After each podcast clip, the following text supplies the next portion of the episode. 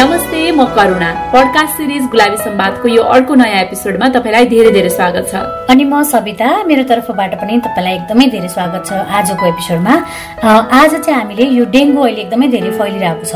Dengue फैलिरहेको भएर हामीले नाइन्टी थ्री एपिसोडमा डेङ्गुले प्रेग्नेन्ट वुमनको लागि कस्तो खालको असर गर्छ बच्चालाई असर गर्छ कि गर्दैन भन्ने विषयमा कुराकानी गरेका थियौँ। र आज चाहिँ हामीले नयाँ विषय भन्दा पनि अहिले यो एकदमै धेरै समसामयिक भएको भएर डेङ्गु र प्रेग्नेन्सीको बारेमा चाहिँ पहिला गरेको छलफल पहिला गरेको कुराकानीलाई नै आजको एपिसोडमा हामीले तपाईँलाई सुनाउँदैछौँ।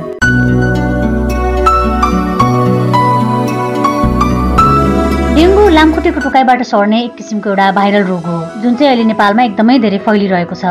नेपालमा योभन्दा अघिल्ला अघिल्ला वर्षहरूमा चाहिँ तराईको जिल्लाहरूमा मात्रै डेङ्गु देखिन्थ्यो तराईमा डेङ्गुको महामारी भयो भन्ने समाचारहरू पनि सुन्न पाइन्थ्यो।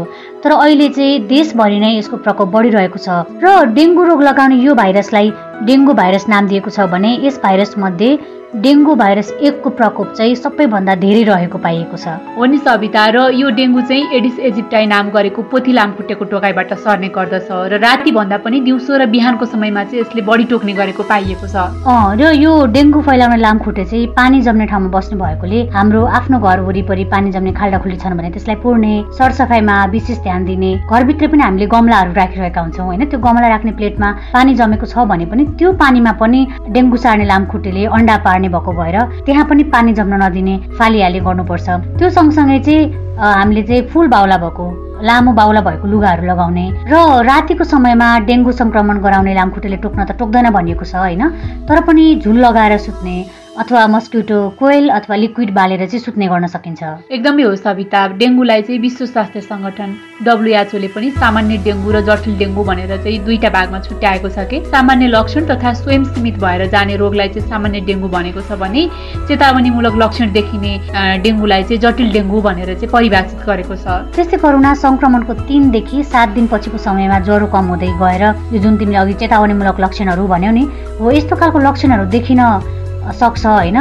जुन चाहिँ कतिपय अवस्थामा अलिक क्रिटिकल पनि हुनसक्छ भनेर डब्लुएचओले भनेको छ। पक्कै पनि र तपाईँले हाम्रो यति कुराकानीपछि सोची पनि रहनु भएको होला। डेङ्गु लागेको चाहिँ कसरी थाहा पाउने लक्षणहरू के के हुन सक्छन् भनेर र यसको लक्षणहरूको बारेमा कुरा गर्नुपर्दा चाहिँ धेरै पेट दुख्ने भमिट भइरहने अनि श्वास प्रश्वास एकदमै तीव्र हुने गिजाबाट रगत बग्ने बान्तामा रगत देखिने त्यसै गरी पिसाबमा रगत देखिने छटपटी हुने गर्छ।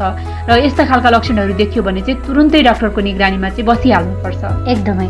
यो सबै खालको लक्षण फेरि सबै व्यक्तिलाई देखिन्छ भन्ने छैन। व्यक्तिअनुसार फरक फरक खालको लक्षण पनि देखिन सक्छ। त्यही भएर विशेष ख्याल गर्नुहोला।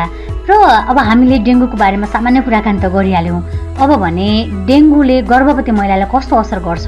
पेटमा रहेको बच्चालाई असर गर्न सक्छ कि सक्दैन? योबाट चाहिँ कसरी जोगिन सक्छ? विशेष गरी गर्भवती महिला भन्ने बारेमा गरेको छलफल नै सुनाउन त हुँदैन। हुन्छ सविता र प्रेग्नेन्सी र डेङ्गुको बारेमा चाहिँ हामीले विस्तृत रूपमा डाक्टर नितेश घिमिरेसँग कुराकानी गरेका छौँ।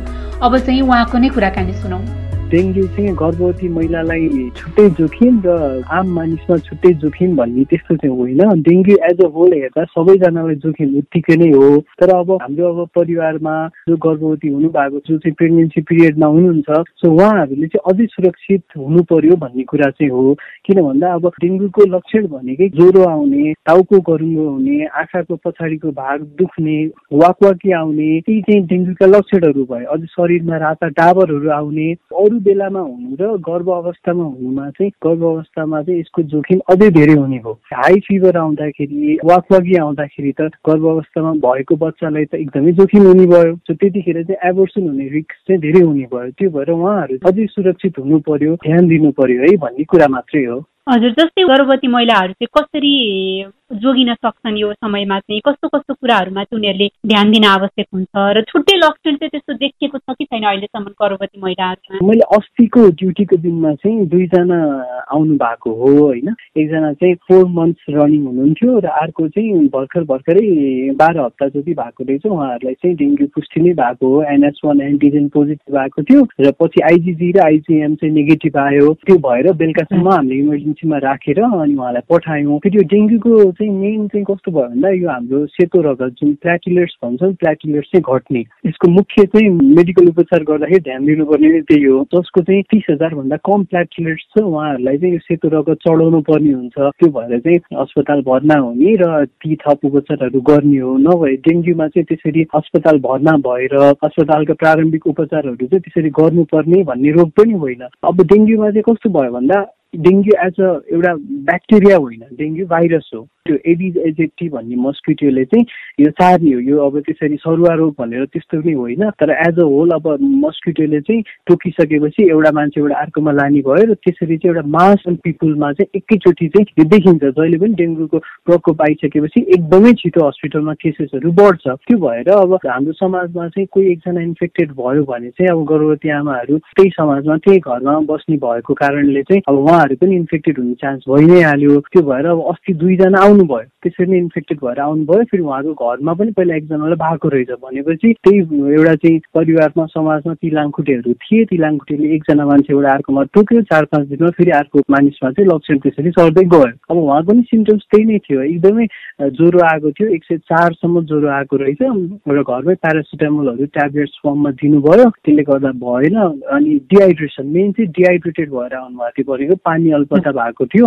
यो सबै जिब्रोहरू चाहिँ एकदमै फुस्रो देखेको थियो ओठहरू पनि एकदमै पानी नभएर फुस्रो देखिएको थियो। हामीले अस्पताल आउने बित्तिकै हाइड्रेटेड गऱ्यौँ चलाउनु पर्ने सालाङहरू चढायौँ। त्यसपछि चाहिँ अब गर्भवती आमा मात्रै होइन कि? एज अ होल सबैलाई हामीले चाहिँ यो अवस्थामा ब्रुफिन त्यसपछि डिक्लोफेनाक जस्ता चाहिँ यस्तो पेन किलर एनासाइड्सहरू चाहिँ दिन मिल्दैन। सेतो रगतको मात्रा घटाउने भएको भएर चाहिँ हामीले डेङ्गुको उपचार गर्दाखेरि चाहिँ विशेष रूपमा प्यारासिटामोल मात्रै युज गर्छौँ। तर त्यसकै इन्जेक्टेबल फर्म हुन्छ।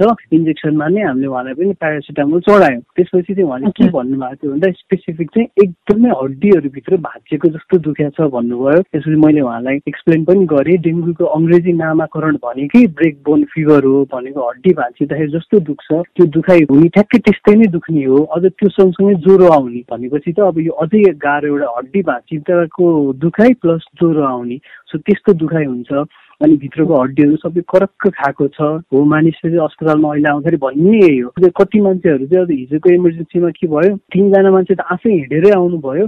अनि हामीले चाहिँ बिरामी को हो भन्ने पनि भयो। त्यसपछि आफै आएर चाहिँ इमर्जेन्सीमा म यो बिरामी एकदमै भित्रबाट गाह्रो भएको छ। हड्डी नै भाँचेको जस्तो चाहिँ हुन्छ नि छुनै भएको छैन। यतातिर सबै दुख्या छ भनेर उहाँ नै सुत्नुभयो सुतिसकेपछि हामीले एन्टिजेनहरू पठायौँ। त्यसपछि एक डेढ घन्टामा रिजल्ट आयो पोजिटिभ थियो।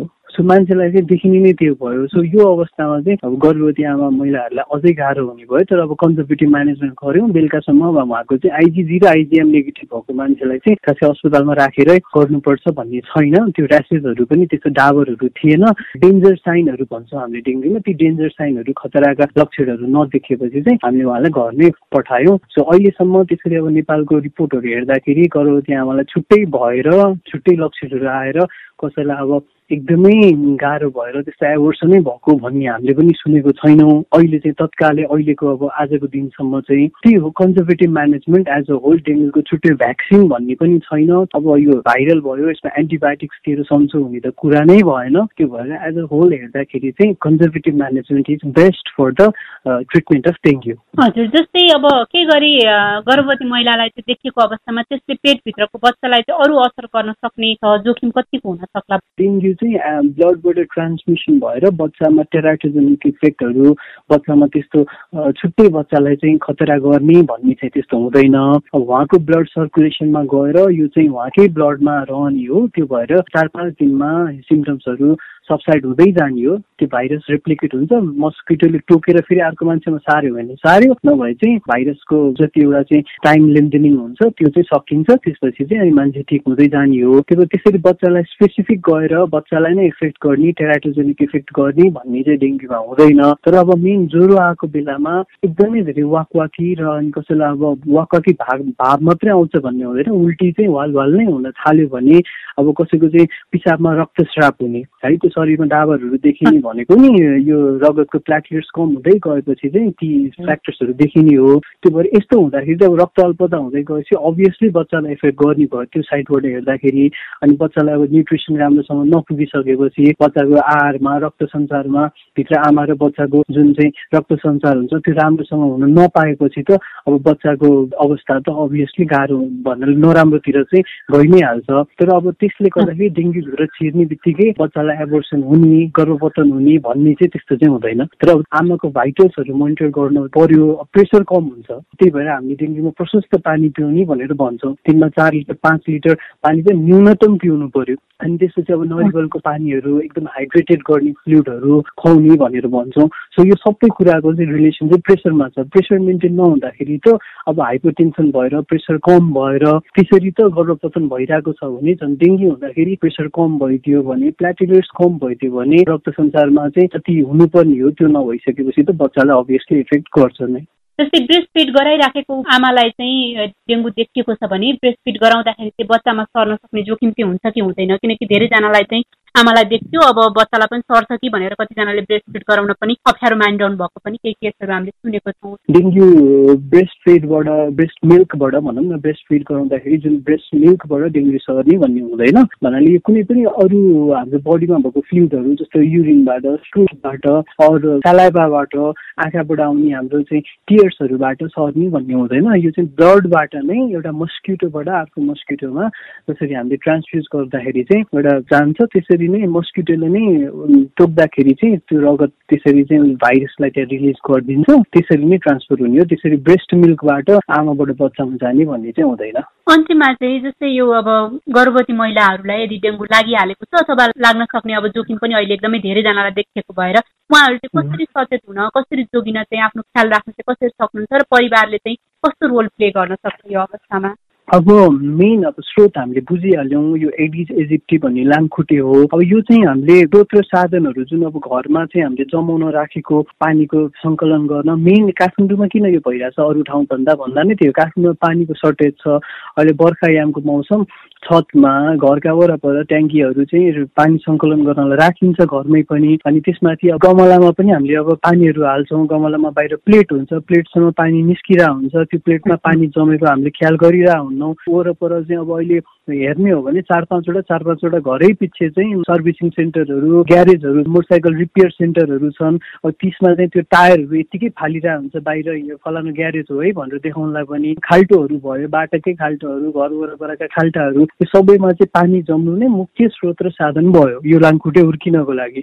सो अब आफ्नो घर वरपर त्यस्ता ठाउँ छन् भने पुर्नु पर्यो त्यस्ता चिजहरूलाई फाल्नु पर्यो। पाउनु त अब अहिले केमिकल है रसायनहरू पनि पाउँछ। त्यो त पहिला हाम्रो देशमै पनि गरिरहेको थियो। त्यस्ता त्यस्ता ठाउँहरूमा सबै रसायन स्प्रेड गरेर डेङ्गु यो मस्किटोलाई मार्ने भनेर पनि पहिला अघिल्लोचोटि अझै गाह्रो हुने बेलामा चाहिँ त्यस्तो गरिएको थियो। त्यही भएर अब अहिले चाहिँ त्यस्तो गरिसकेको छैन सरकारी निकायबाट नि के भन्दा कन्ट्रोल भइरहेछ मान्छेहरू सचेत हुनुहुन्छ त्यसरी नै कन्ट्रोल गर्ने हो। प्लस अब अर्को भनेको यो लाङखुट्टेले चाहिँ राति भन्दा पनि घाम उदाइसकेको दुई घन्टा र घाम अस्ताउनुभन्दा दुई घन्टा अगाडिको समयमा चाहिँ विशेष गरेर टोक्ने हुनाले त्यो बेलामा सचेत हुनु पर्यो बाहिर निस्किँदाखेरि लङ स्लिप्सहरू लाउनु पर्यो। अब अहिले मस्किटो एन्टी रिपेलेन्टहरू पाउँछ आफ्नो घर वरपर चाहिँ कोही मान्छेलाई भएको छ कोही हस्पिटलाइज भएको छ डेङ्गुको कारणले भनेपछि चाहिँ अलि विशेष सचेत हुनु पर्यो र त्यस्ता मस्किटो एन्टी रिपेलेन्टहरू लगाउनु पर्यो फुल स्लिप्स लगाएर निस्किने विशेष गरेर एडिटेटिभ मस्किटो बस्ने यी स्रोत र साधनहरूलाई सकेसम्म हटाउनु पर्यो। घर परिवारले पनि यसमा विशेष ध्यान चाहिँ दिनु पर्यो डाक्टर नितेश घिमिरेलाई धेरै धेरै धन्यवाद।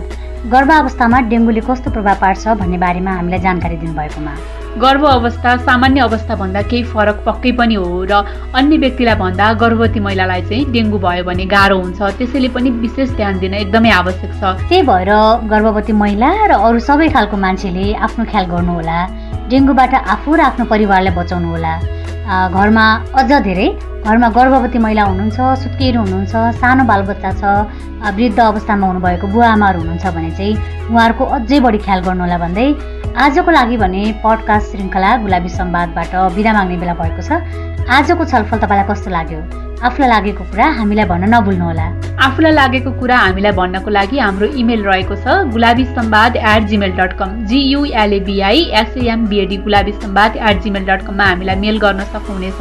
वा त हाम्रो विभिन्न सोसल मिडियाहरू जसमा चाहिँ हामी गुलाबी सम्वाद नामबाट उपलब्ध छौँ त्यहाँ पनि तपाईँलाई आफूलाई लागेको कुराहरू लेखेर वा रेकर्ड गरेर हामीलाई पठाउन सक्नुहुनेछ। त्यस्तै हामीले गर्ने विभिन्न छलफलहरू सुन्नको लागि अनि गुलाबी उमेरका गुलाबी भोगाहरू पढ्नको लागि र गुलाबी सम्वाद भनेकै के हो भनेर जान्नको लागि चाहिँ W W W dot Gulabi Sambad dot कममा गएर हेर्न सक्नुहुन्छ। त्यस्तै हाम्रो पडकास्ट सिरिज गुलाबी सम्वाद तपाईँले एङ्कर डट एफएममा गएर Gulabi Sambad teen talk search गरेर पनि सुन्न सक्नुहुनेछ भने हाम्रो पात्रो एप मार्फत पनि संसारभर जहाँसुकै रहेर हाम्रो पडकास्ट सुन्न सक्नुहुनेछ। त्यस्तै गरी तपाईँको जिल्लाको स्थानीय रेडियोबाट पनि गुलाबी सम्वाद प्रसारण भइरहेको हुनसक्छ।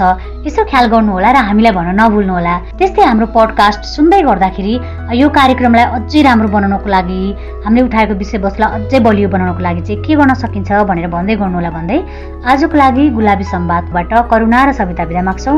नमस्ते। अर्को श्रृङ्खलामा पुनः भेट्नेछौँ।